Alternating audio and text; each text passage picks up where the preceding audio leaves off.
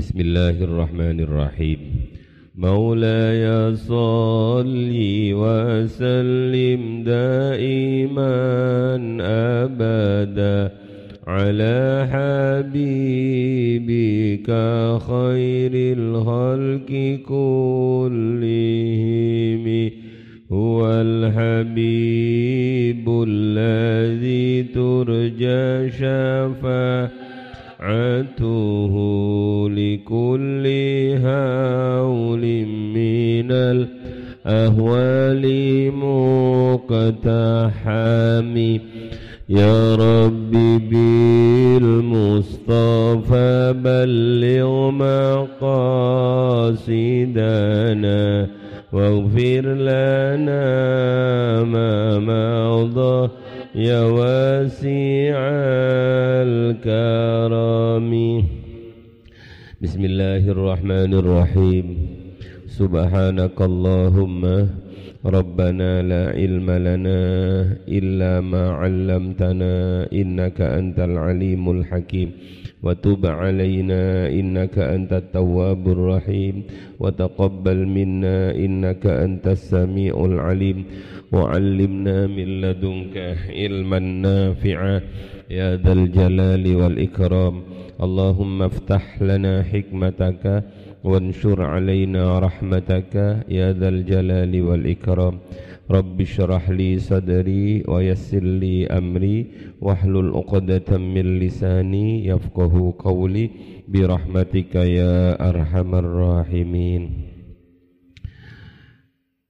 إلى حضرة النبي المصطفى سيدنا محمد صلى الله عليه وسلم وإلى جميع أصحابه وزوجاته أمهات المؤمنين وذريته وإخوانه من الأنبياء والمرسلين صلواته وسلامه عليهم أجمعين خصوصا إلى خلفاء الراشدين سيدنا أبي بكر سيدنا عمر سيدنا عثمان سيدنا علي. خصوصا إلى سيدتنا خديجة الكبرى سيدتنا عائشة سيدتنا فاطمة الزهرة سيدنا حسن وسيدنا حسين سيدنا عباس وسيدنا حمزة وإلى أهل البدر وأهل الأهود وأزاب الصفة رضي الله تعالى عنهم وإلى سلطان أولياء الشيخ عبد القادر الجيلاني وسلطان أولياء الشيخ أبي الحسن الشادري شيخ أبو العباس المرشي الشيخ بن عطاء الأسكندري وإلى والي صنغو في إندونيسيا. نهص خصوصا إلى جميع مؤسس جمعيتنا نهضة العلماء خصوصا إلى حضرة خصوصا إلى شيخنا با خليل با هاشم با وهب با بسري با أسعد شمس الأريفين وإلى ونهص خصوصا إلى مؤلف هذا الكتاب حضرة الشيخ به كي حجي محمد هاشم أشعري وخصوصا إلى شيخي الشيخ كي محمد إصام حديق وخصوصا إلى جميع مشايخ بحر العلوم كلهم وإلى جميع مشايخ تبير كلهم مشايخ دنانير كلهم مشايخ بangkalan كلهم مشايخ كندابن كلهم. Masyai peta telung agung kullihim. Masyaihi ngeledok mujo kerapa kullihim. Masyaihi bawangan kullihim. Wa khususan ila ummina hajjah Huriyah binti Ki Abdul Fatah wa zawjiha. Asyaih Abah Kiai Muhammad Huzak Kiai Haji Muhammad Jamaluddin Ahmad aminatu zuhriya wa zawjiha asy abah haji hasan wa khususan ila ummi auladi wa ila jami'i auladi khususan seluruh santri al-amanah putra putri. Seluruh santri al-fatah putra putri sedaya alumni sedaya jamaah sedaya ingkang mirengaken dan mirsani eh, pengaosan niki الفاتحة. أعوذ بالله من الشيطان الرجيم. بسم الله الرحمن الرحيم. الحمد لله رب العالمين. الرحمن الرحيم. مالك يوم الدين. إياك نعبد وإياك نستعين. اهدنا الصراط المستقيم. صراط الذين أنعمت عليهم غير المغضوب عليهم ولا الضالين. آمين. بسم الله الرحمن الرحيم. الحمد لله رب العالمين والصلاة والسلام على أشرف الأنبياء وأفضل المرسلين سيدنا وحبيبنا وشفيعنا وقرة أعيننا محمد وعلى آله وأصحابه والتابعين ومن تبعهم بإحسان إلى يوم الدين. أما بعد اللهم نور قلوبنا وقلوبهم بنور هدايتك. كما نورت الأرض بنور شمسك أبدا أبدا برحمتك يا أرحم الراحمين. يا فتاح يا عليم افتح قلوبنا وقلوب أولادنا وقلوب جميع من طالب في مهدنا بنور المعرفة وعلم المكاشفة والبصيرة والإيمان والإسلام. يا فتاح يا عليم افتح قلوبنا وقلوبهم فتوح العارفين.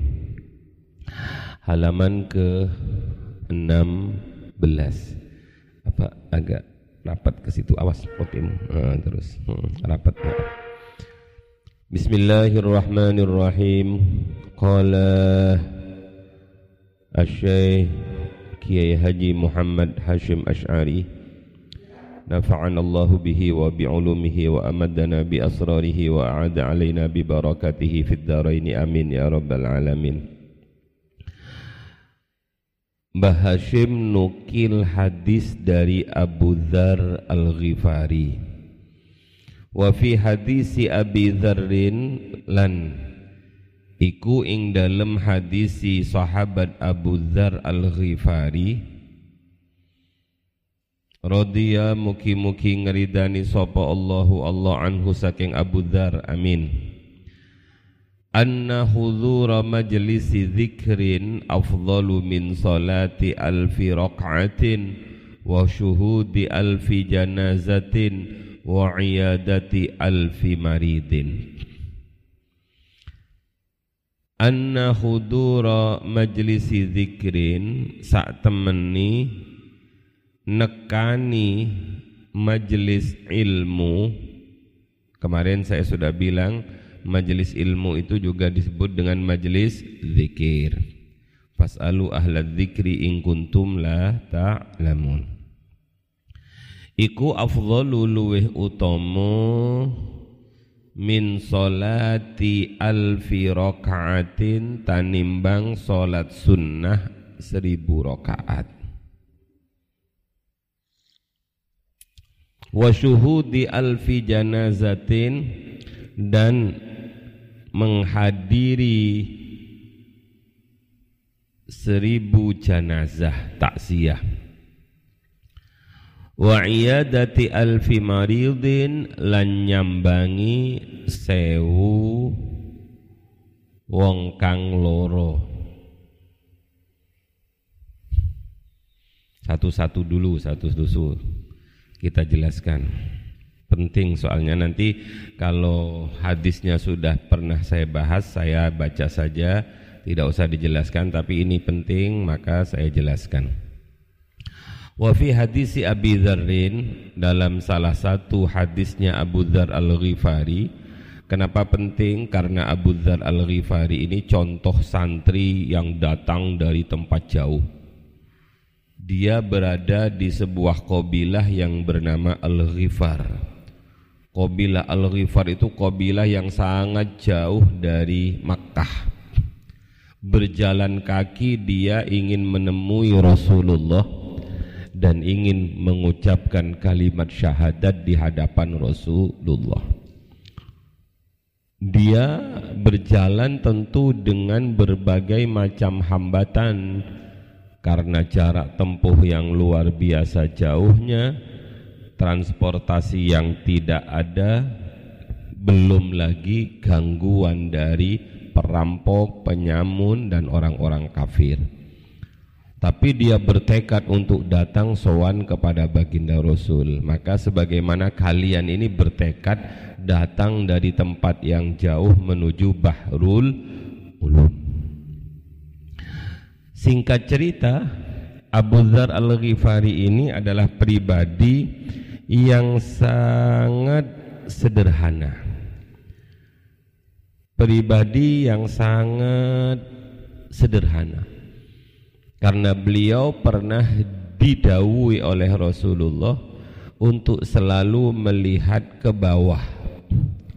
Melihat orang yang lebih miskin melihat orang yang lebih bawah Suatu saat Abu Dhar Al-Ghifari ini juga pernah ditawari menduduki sebuah jabatan.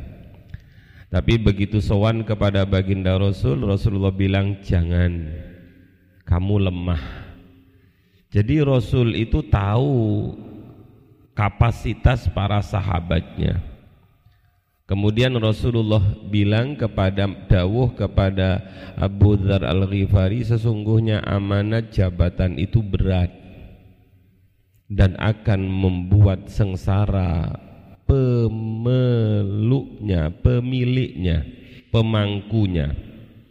Jadi jabatan itu berat dan akan membuat sengsara para pemilik jabatan itu. Kecuali kata Rasulullah, kecuali jabatan itu diterima dengan jalan benar kemudian dilaksanakan dengan sepenuh hati jadi amanat itu harus didapat lewat jalan yang benar. Setelah dapat amanat, baru amanat itu digunakan untuk berkhidmat kepada umat, berkhidmat kepada agama. Nah sekarang kita lihat seperti apa orang mendapatkan amanat jabatan. Nah, ya sudah itu yang pertama tentang Abu Dhar al-Ghifari. Beliau adalah orang yang diramal oleh Rasulullah. Salah seorang sahabatku kelak akan meninggal Di tempat yang sepi tidak ada orang. Saat dia meninggal dia akan disaksikan oleh beberapa orang yang beriman. Ternyata betul anak-anakku Abu Dhar Al-Ghifari itu wafat di sebuah daerah terpencil di tengah gurun pasir yang tandus bersama istri dan anaknya.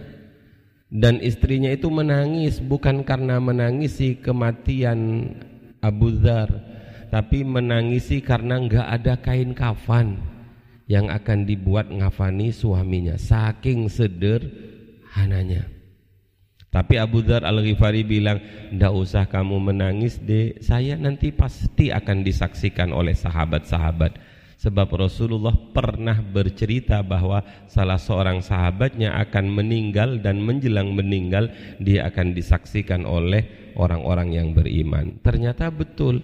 Abdullah bin Mas'ud dalam perjalanan ketemu dengan Abu Dhar Al-Ghifari yang tergeletak dalam keadaan sakit dan kemudian dirawat diramut jenazahnya oleh Abdullah bin Mas'ud dan sahabat-sahabat yang lain. Ini potret uh, santri yang saking semangatnya datang dari tempat yang jauh dan manut pada baginda Rasul.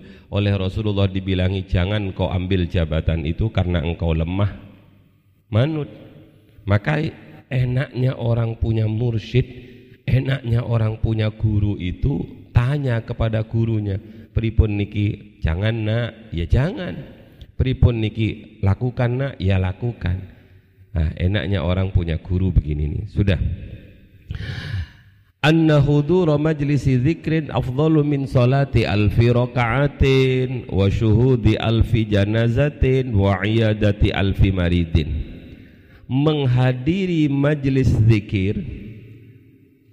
Majelis zikir sudah saya jelaskan kemarin Majelis zikir itu juga disebut dengan majelis taklim Yang dalam bahasa kerennya disebut Riyadul Jannah Taman sorga di bumi. Mendatangi majelis taklim Mendatangi majelis zikir itu Lebih utama Dibandingkan sholat sunnah seribu rokaat dibandingkan mendatangi takziah seribu jenazah. Dibandingkan nyambangi seribu orang sakit. Makanya ada beberapa orang alim itu menunda menunda nengok orang sakit menunda takziah kalau berbarengan dengan kalau berbarengan dengan waktunya ngaji. Tapi tetap dia datang ke ke takziah, dia tetap datang meng, apa itu mengunjungi orang sakit. Jangan kamu ambil kesimpulan yang kesusu tergesa-gesa, wes gak usah sholat sunnah, wes gak usah takziah, wes gak usah nengok orang sakit. Siapa bilang yang gak usah? Tetap tetap itu lakukan karena kita adalah makhluk sosial. Sudah. Bismillahirrahmanirrahim. Wa qala lan dawuh Sopo Umaru hanya hanya dua hadis ini mungkin yang Abah jelaskan yang lain sama seperti yang kemarin. Wa qala lan dawu sapa Umar Sayyidina Umar Ibnul Khattab radhiyallahu anhu. Sayyidina Umar ini kalau kalau Abu Dzar tadi itu masuk Islamnya karena inisiatif sendiri, tapi Sayyidina Umar ini masuk Islam karena didoakan oleh Rasulullah. Rasulullah pingin sekali Islam ini kuat dengan masuknya Sayyidina Umar. Maka doa Rasulullah dikabulkan, Sayyidina Umar masuk Islam, tentu kita tahu ceritanya lewat hidayah mendengarkan Al-Qur'an yang dibaca oleh siapa? Adiknya itu. Tapi itu hanya sekedar jalan cara Allah memasukkan Islam. Lebih dari itu, masuknya Sayyidina Umar Islam itu karena diinginkan, dimohonkan, didoakan oleh baginda Rasulullah sallallahu alaihi wasallam. Ini salah satu pelajaran bagi kita ketika kalian pulang ke tengah masyarakat, jangan mahal-mahal mendoakan orang agar mendapatkan hidayah hidayah. Siapa tahu doa kita dikabulkan dan orang-orang yang dekat dengan rumah kita itu mendapatkan hidayah hidayah. Sayyidina Umar Ibn Al-Khattab radhiyallahu anhu dawuh Innar rajula la yakhruju min manzilihi wa alaihi minad dunubi mithlu jabal tihamata fa idza sami'a al alima fa idza sami'a al alima khafa wastarja'a an dunubihi wansarafa ila manzilihi wa laysa alaihi dhanbun wa laysa alaihi dhanbun. Fala tufariku majalisal ulama' fa inna Allah ta'ala lam yakhluk ala wajhil ardi turbatan akrama min majalisil ulama. Maknai inna rajula sak temani wong lanang iku la yakhruju yakti metu sapa rajul mim manzilihi dari umahnya rajul. Ada tindakan keluar dari rumah tindakan keluar dari kamar. Wa alaihi iku ingatasi rojul minadzunubi saking piro-piro dosa mislu jabali tihamata utawe utawe madani piro-piro gunung tanah tihamah Pegunungan Tihamah nih sampean saya juga nggak tahu, belum pernah ke sana. Mudah-mudahan sampai amin. Is gampangannya seperti Gunung Semeru gini. Seperti kamu tahunya kan Gunung Semeru, Gunung Arjuno. Gini. Saking besarnya seperti Gunung Tihamah. Faida sami amongko nalaikani ngrungu sapa rajul al alima ing wong alim khofa mongko wedi sapa rajul wastarja'alan balik sapa rajul andunubihi saking pira-pira dosane rajul wan sarafalan balik sapa rajul pulang ila manzilihi marang omahe rajul walaisa hale ora ono iku alaihi melarat ing ngatasi rajul apa zambun dosa titik. Makanya fala tufariku mungko ojo misai sopo siro kabeh majalisal ulama ing piro-piro majlisi piro-piro wong alim. Ing majlisi piro-piro wong alim. Fa inna Allah taala krana sak temeni Allah taala iku lam yahluk orang menciptakan sopo Allah ala wajhil ardi ing ngatasi dhuwure bumi turbatan ing tanah akrama kang lebih mulia mim majalisil ulama tenimbang piro-piro majelisi piro-piro wong alim. Nututi nggih? Nah. ayo kita lihat artikan Sayyidina Umar ibnul Khattab radhiyallahu anhu seorang yang luar biasa cerdasnya yang beberapa kali usulannya kepada baginda Rasul itu persis sama dengan ayat-ayat yang akan turun saking cerdasnya. Sayyidina Umar adalah orang yang pertama kali menciptakan administrasi.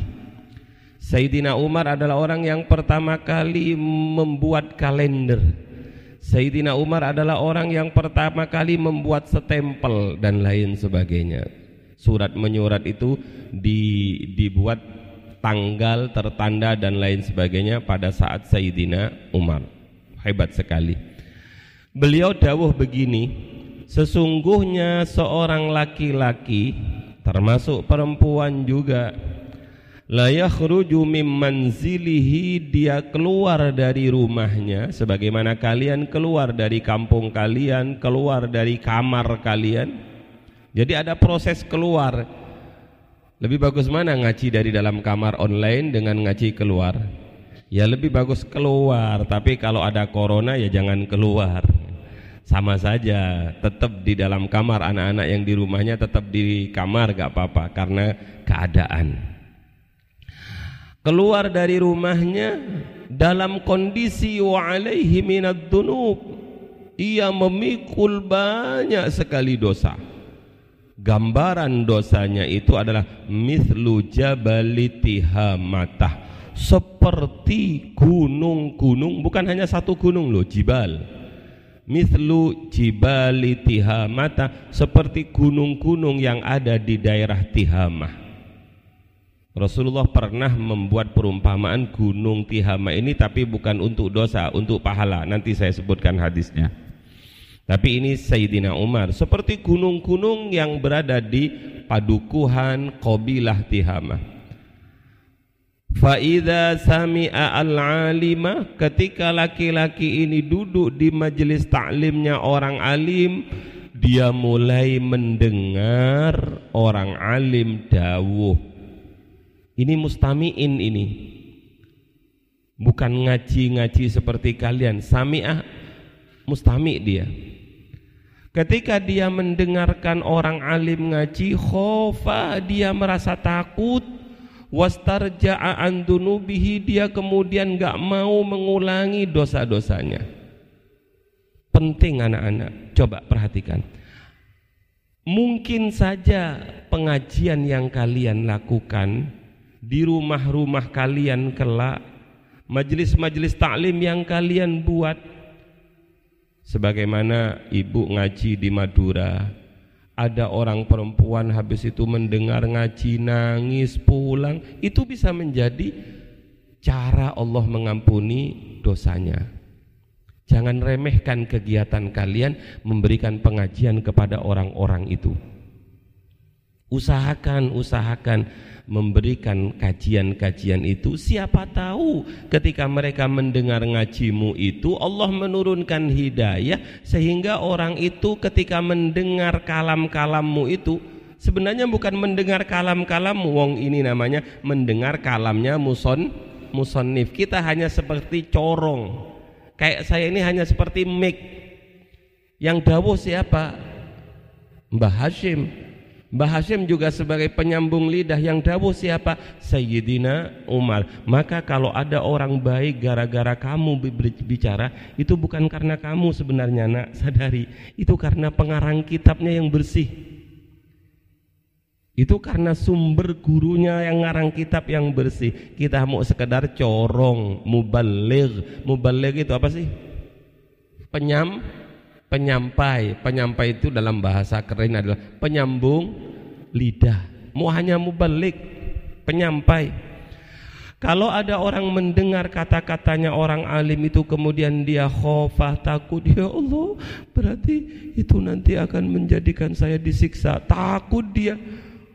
Kapok wastarja dunubihi kan kemudian dia muh aku ngerasani lagi. Muh aku ghibah. Muh aku gasap, emuh aku takabur dan seterusnya.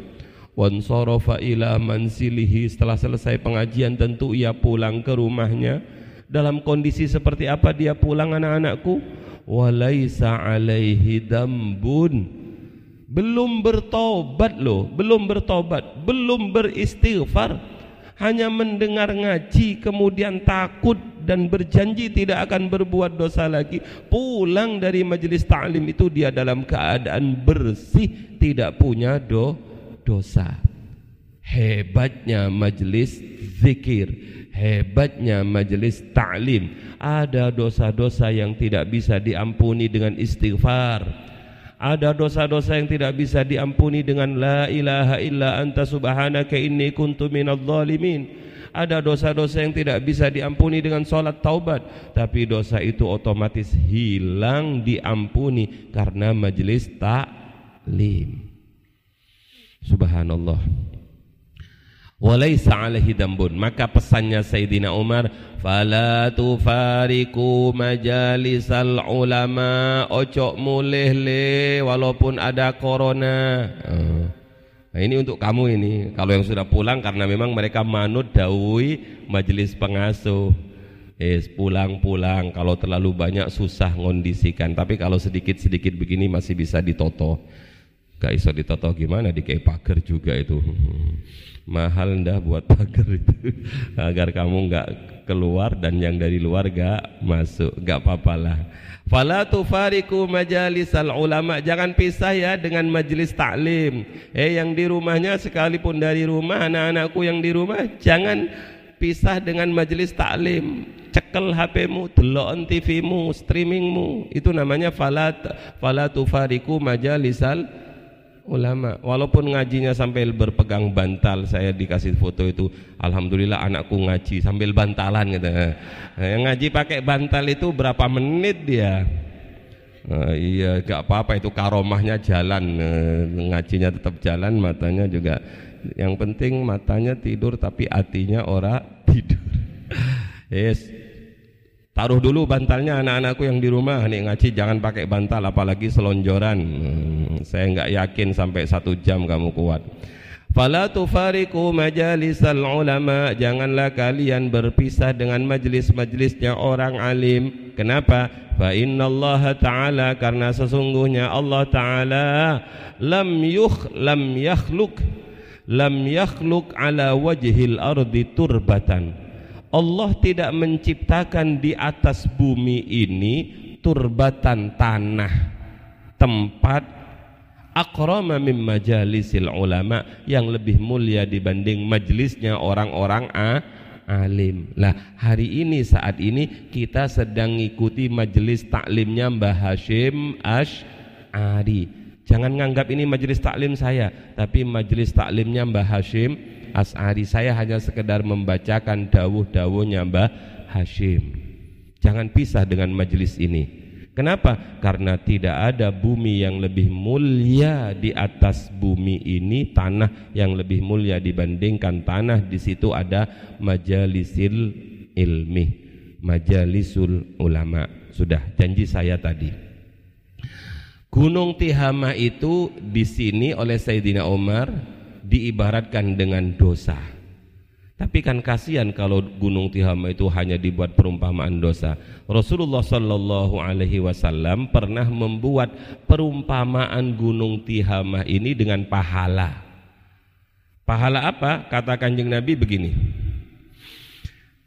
Saya akan memberitahu kalian bahwa akan datang sebuah masa di mana umatku pada waktu itu masa umatnya kanjeng Nabi.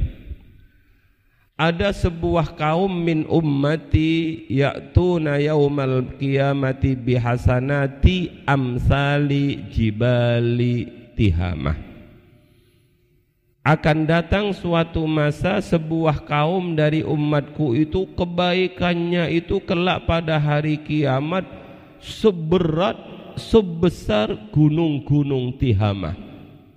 Sebesar gunung-gunung Tihamah. Tapi sayangnya fayaj'aluhallahu azza wa jalla haba'am mansura pahalanya umatku itu yang sebesar gunung-gunung Tihamah itu Allah jadikan pada hari kiamat seperti derbu yang bertebangan haba mansura tidak ada bekas sama seperti amalnya orang kafir, orang yang tidak beriman. Ada orang yang tidak beriman sodakoh bagus, tapi tidak akan berpahala. Haba'am mansuro. Karena amal soleh itu harus didasari dengan alladzina amanu wa amilus solihah. Lah kata kanjeng Nabi, ada kaum yang kebaikan pahalanya itu kelak pada hari kiamat seperti gunung-gunung Tihamah saking beratnya, saking besarnya. Tapi sayang informasi dari kanjeng Nabi pahalanya itu haba amman suro seperti debu yang berterbangan gak ada habis semua lah begitu Nabi dawuh seperti itu maka sahabat Nabi pelayan Nabi Sauban itu berkata Ya Rasulullah sifhum lana Jelaskan pada kami sifat-sifat mereka ya Rasul. Allah nakuna minhum wa nahnu wa nahnu la na'lam agar kami tidak seperti mereka padahal kami tidak sadar. Paham nak? Sauban itu meminta kepada Rasul, sinten niku ya Rasul, siapakah mereka ya Rasul yang punya kebaikan banyak tapi di akhirat habis kebaikannya itu? Kemudian kanjeng Nabi mengatakan ama innahum ikhwanukum wa min jildatikum wa ya'khuduna minal laili kama ta'khuduna Ketahuilah wahai sahabat-sahabatku mereka itu adalah saudara-saudara kalian. Berarti sesama umatnya kanjeng Nabi. Ia ya'khuduna minal laili kama ta'khuduna. Mereka mengambil malam-malam itu seperti kalian. Artinya mereka ahli solat malam. Mereka ahli qiyamul lail. Tapi sayangnya pahala qiyamul lailnya habis pahala sodakohnya habis pahala zikirnya habis pada hari kiamat. Kenapa? Lakinnahum idza khalau bimaharimillahi intahakuha. Tulis. Lakinnahum ini penting yang belakang saja. Idza khalau bimaharimillahi bimaharimillahi intahakuha. Rawahu ibnu majah. Intahakuha. Siapakah kaum itu? Mereka adalah orang-orang yang berbuat baik menghidupkan malam, tapi mereka ketika sepi sendirian, ketika sepi sendirian tidak ada yang melihat, intahaku mereka menerjang apa-apa yang diharamkan oleh Allah. Jadi mereka bermaksiat di kesepian. Ada ndak orang bermaksiat di kesepian ini? Oh banyak. Ini Rasulullah dawuh seperti ini sudah terjadi ndak hari ini? Sudah terjadi ndak? Dahulu orang mau maksiat itu wangil. Iya. Orang mau maksiat itu wangil, orang mau ngelamar saja itu wangil. Abah ibu kita mbah-mbah kita itu nggak sir-siran langsung dinikahkan anaknya 11 anaknya 12 gitu. Hasil. Mau melihat orang mau melihat orang oh ngintip orang mandi wangil dulu kayak bondan bondan siapa itu yang nyolong nyolong bajunya uh, bidadari itu apa itu Jakatarup itu ngintip-ngintip orang mandi susah tapi sekarang kemaksiatan yang seperti itu susah ndak kamu dapati? Bisa saja kita berada di sebuah kamar sendirian, bertemankan apa ini? bertemankan apa ini? Telok ya. Opo iki? Ya, ketika sendirian maksiat, chatting, sedang ngapain kamu sekarang di rumah? Belajar ndak? Oh. terus setelah belajar ngapain? Ya makan. Kamu lagi ngapain di rumah? Sedang ingat kamu.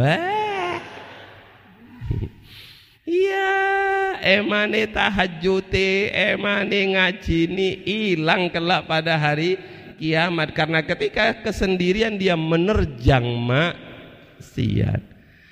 Ya Allah terima kasih ya Rasul telah mengingatkan kami sebesar gunung Tihama itu habis nanti pahalanya ketika kita ketika dalam kesendirian berani melanggar larangan Allah. Ya Allah dengan kemuliaan Bahashim, dengan kemuliaan Rasulullah, dengan kemuliaan Sayyidina Umar, dengan kemuliaan duriyah-duriyah Rasulullah, jadikan kami hamba-hambamu yang bertakwa fisirri wal alaniyah amin. Fisirri wal alaniyah amin. Fisirri wal alaniyah amin. Takut kepada Allah ketika sendiri takut kepada Allah ketika terang terangan. Ittaqillaha haitsuma kunta anak-anakku di mana pun kalian berada di kamar pun sekalian bisa maksiat enggak?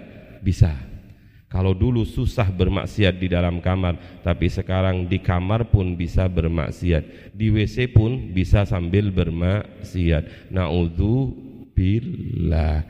Hmm, sarana bermaksiatnya sekarang murah. Apa berapa harganya begini yang paling murah? Nah, makanya ini menjadi lakah alaikah. HP ini bisa menjadi lakah bermanfaat untuk kamu gunakan ngaji, gunakan solawat tapi alaikah dia bisa ber, membuat madorot kepada kita. Ya Allah jadikan anugerahmu semuanya sebagai jalan kami mendekatkan diri kepadamu. Amin. Allahumma amin. Yes, ayo dipercepat terusnya. Wa naqala as-sar masahi al-maliki wa naqala lan nukil sapa as-sar masahi al-maliki fi awali kitabihi ing dalam kawitan kitabe As-Sar Masahi rupani nadbid durari nazum durar nazum kitab durar. Anin nabiyyi beliau menukil anin nabiyyi saking kanjeng nabi sallallahu alaihi wasallam. Qala dawuh sapa kanjeng nabi? Bareng-bareng man azzama al alimah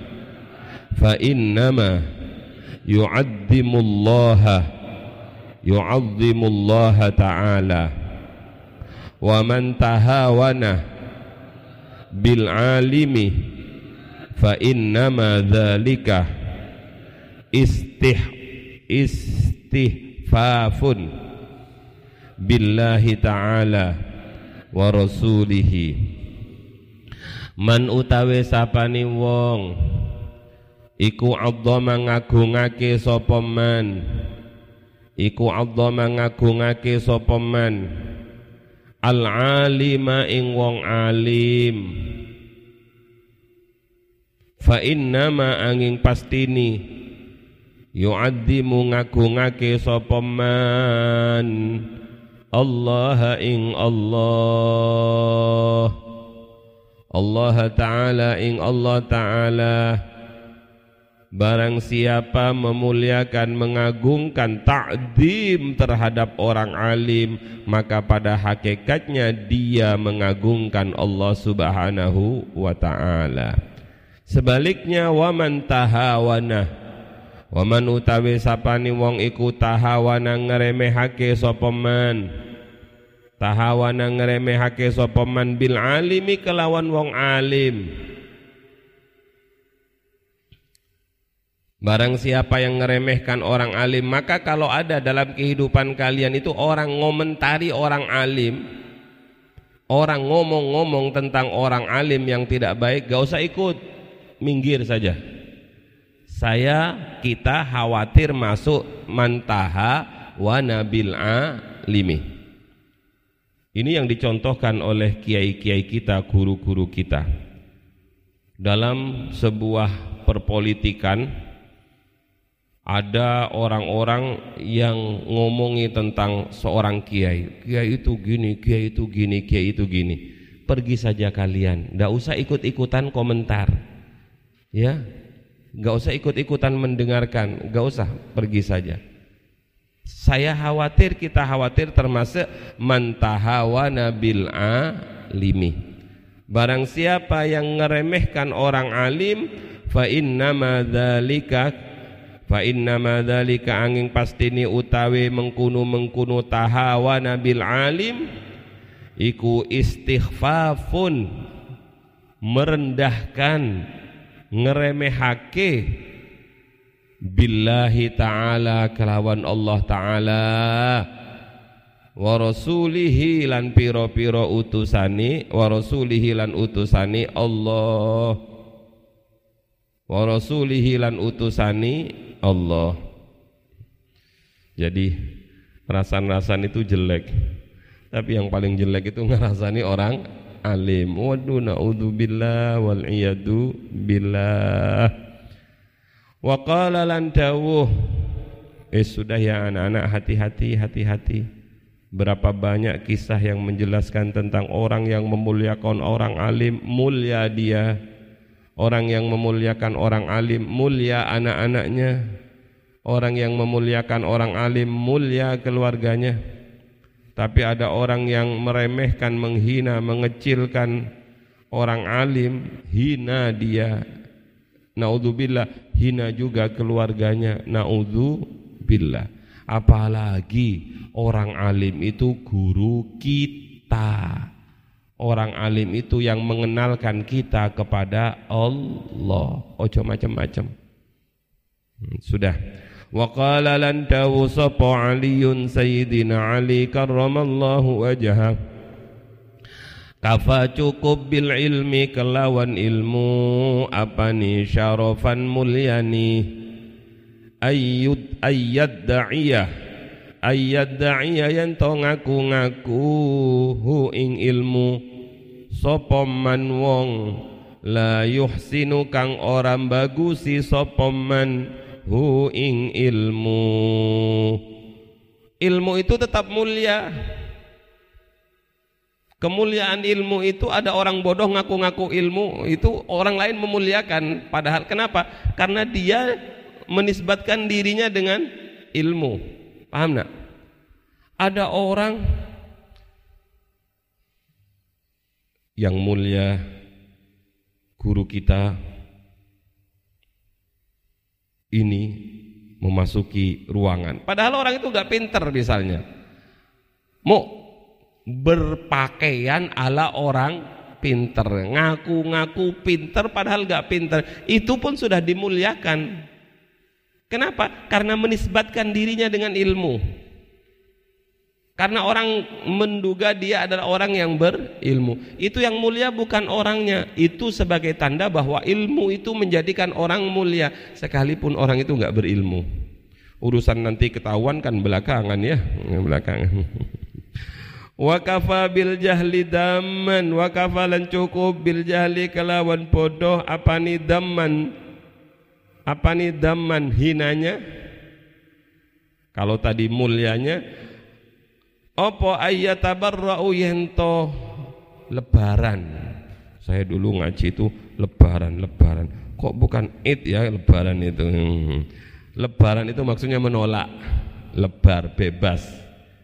Minhu saking jahal sapa man wong iku fihi ing dalam jahal. Apa maksudnya nak? Cukuplah kebodohan itu adalah hal yang hina. Kenapa? Karena orang bodoh pun nggak mau disebut. Saya ulangi, karena orang bodoh pun nggak mau disebut bodoh lo. Tersinggung nggak? Saya nggak pernah ngomong goblok soalnya. Mm, mm, mm. Gak gelem sekalipun dia betul-betul bodoh. Kenapa? Karena bodoh itu adalah hina. Tapi orang bodoh dibilang, monggo, monggo Ustad, monggo. Alhamdulillah dipanggil dipanggil Ustad, ya hari ini dipanggil Ustad. Ustad Ustadan gitu. Makanya kadang-kadang di acara-acara itu, acara yang kita tunggu-tunggu telah sampai pada puncak acara yang kita tunggu. Marilah kita dengarkan ceramah agama yang akan disampaikan oleh Hadratus Syekh Al-Mukarram Al-Mukarram, Al-Alim, Al-Allama al mutabakhir fil ilmi. Eh tiba-tiba dipanggil ustadz ini. Padahal nggak pintar tapi sudah senang kenapa? Karena sudah dipanggil dengan ilmu. Tapi sekalipun orang bodoh disebut bodoh dia nggak gelem. Itu menunjukkan ilmu dan bodoh ini sesuatu yang berbeda. Ilmu itu mulia. Sekalipun orang itu nggak pintar tapi kalau disebut punya ilmu seneng dia tapi sekalipun orang itu bodoh betul-betul bodoh tapi disebut bodoh itu gak gelem dia. Kenapa? Karena muh dianggap bo bodoh. Uh, wa ansyadah lan bernasyid sapa Sayyidina Ali fi maknahu ing dalam sepadani mengkunu-mengkunu ing dalam sepadani kaul.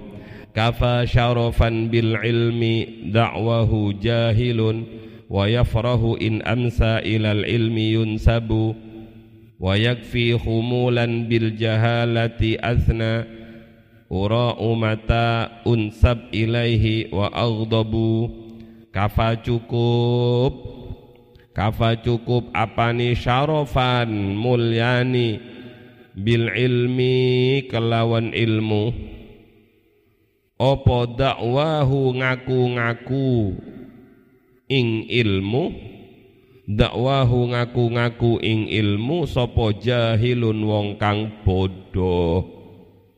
Orang bodoh itu pingin disebut orang alim ngaku-ngaku orang alim. Kenapa? Karena alim itu mul mulia. Karena ilmu itu mul mulia. Wa yafrahu lan bungah. Wa bungah. In amsa lamun dadi sapa jahil ilal ilmi marang ilmu yun sabu den bangsaaken sapa sapa jahil. Bodoh disebut pinter seneng. Tapi kalau keterlaluan itu kayaknya ngenyek ya. Saya kadang-kadang kalau di pas ngaji itu hadirin yang dirahmati oleh Allah marilah kita dengarkan bersama mauidhah hasanah yang akan disampaikan oleh al-allamah. Ngenyek kamu itu. Al-allamah. Mulai besok enggak usah lebih-lebih. Biasa-biasa saja. Tapi pasti kamu enggak enggak senang kalau bilang hadirin marilah bersama-sama kita buka kuping kita. Kita dengarkan omongannya Pak Holik yang bodoh ini. Silakan kepada Pak Holik naik. Ocok suwe-suwe loh Kalau kalau sudah ngaji tasawuf lebih bagus dibilang begitu daripada hadratus syekh. Hadratus syekh itu hanya miliknya Mbah Hashim As'ari, apalagi disebut al-alim al-allama. Ngenyek kamu. Ngenyek kamu. Saya dibilang al-allama itu ngenyek. Gimana ya? Saya hitam seperti ini. Marilah kita dengarkan ceramah yang akan disampaikan oleh si putih, si mancung Abdul Halik. Ngenyek ndak itu? Ngonyek wong wong ireng koyok ini dibilang si putih si mancung. Eh sudah sudah sudah. Wayakfi lan cukup apa nih? Humulan apa sih? Bil jahalati kelawan sifat bodoh. Opo annani sak temani ingsun? Iku urau den wedini ingsun mata unsab nalaikani den bangsa ake ingsun ilaihi marang bodoh wa bulan muring-muring ingsun. Kalau saya disebut bodoh ya pasti saya tersinggung. Itu menunjukkan betapa bodoh itu ingin dijauhi oleh semua orang Makanya salah satu niat orang nyari ilmu yang boleh selain lillahi ta'ala itu Nyari ilmu itu harus lillahi ta'ala. Tapi boleh nambahi niat selain lillahi ta'ala apa itu? Menghilangkan kebodohan. Saya balik nang pondok niat pondok lillahi ta'ala Satu. Yang kedua menghilangkan kebodohan diri. Boleh itu Terakhir waqala lan dawuh sapa Ibnu Zubair Ibnu Zubair. Sapa Ibnu Zubair Ibnu Zubair. Ibnu Zubair dawuh Anna Abu Bakrin sak temeni Abu Bakar sak temeni Khalifah Abu Bakar iku kataba ilayya kataba ilayya kirim surat. Biasanya kalau kataba ilayya itu bukan nulis. Nulis lalu dikirim. Kataba ilayya kirim surat sopo sayyidina Abu Bakar ilayya marang ingsun. Wa ana hale utawi ingsun iku bil Iraki posisinya di Irak Sayyidina Abu Bakar, Khalifah Abu Bakar menulis surat kepada saya, kata Ibnu Zubair, saya waktu itu sudah menjadi pejabat di Irak. Tulisannya Sayyidina Abu Bakar, Ya bunayya alaika bil ilmi, fa innaka idha iftaqarta kana malan, wa idha staghnaita kana jamalan. Ayo di anu. Ya bunayya, alaika bil ilmi. Suatu saat kalau kamu punya anak di pondok tulisi surat seperti ini. Ya bunayya alaika bil ilmi. Bukan ya bunayya alaika bil akli. Ya bunayya alaika bin naumi. Ya bunayya alaika bil wisadah bantal ya. Ya bunayya alaika bil qahwah. Ya bunayya ayo bareng-bareng. Ya bunayya alaika bil ilmi fa innaka idza iftaqarta kana malan wa idza istaghnaita kana jamalan ya bunayya wahai anak ingsun Padahal Abdullah bin Zubair ini bukan anaknya Abu Bakar Tapi disebut Ya Bunayya Saking dekatnya Khalifah Abu Bakar dengan bawahannya alaika bil ilmi alaika neteponu siro bil ilmi kelawan ilmu. Anakku sekalian sekalipun kamu sudah berada di Irak awas lu ojo pisah ambek ilmu. Kenapa? Fa innaka koronu sak temani siro. Kamu itu ada dua kemungkinan. Satu kamu miskin. Yang kedua kamu kaya. Idza taqarta nalaikani melarat siro. Idza taqarta nalaikani melarat siro kana mungko ono opo ilmu? Iku malan tati bondo. Wa idza staghnaita lan nalaikani sugih siro. Wa idza staghnaita lan nalaikani sugih siro kana mungko ono opo ilmu iku jamalan dadi perhiasan. Iku jamalan dadi perhiasan. Nah ojo pisah yo ambek ilmu. Sebab kondisimu itu kemungkinannya dua. Kalau enggak fakir kamu ka kaya. Lah kalau kamu fakir nah kamu punya ilmu maka kamu tidak disebut fakir karena kamu masih punya harta yang bernama ilmu. Lah kalau kamu ditakdir menjadi orang kaya nak maka ilmumu itu sebagai perhiasan keindahan dirimu. Maka jangan pernah pisah dengan ilmu ya Allah. Jangan pisahkan kami, anak-anak kami, santri-santri kami dengan ilmu. Jangan pisahkan kami, jangan jauhkan kami dengan, dari ilmu. Jangan jauhkan kami dari orang alim. Sebab dalam hidup ini kami hanya manut, nunut sama orang-orang alim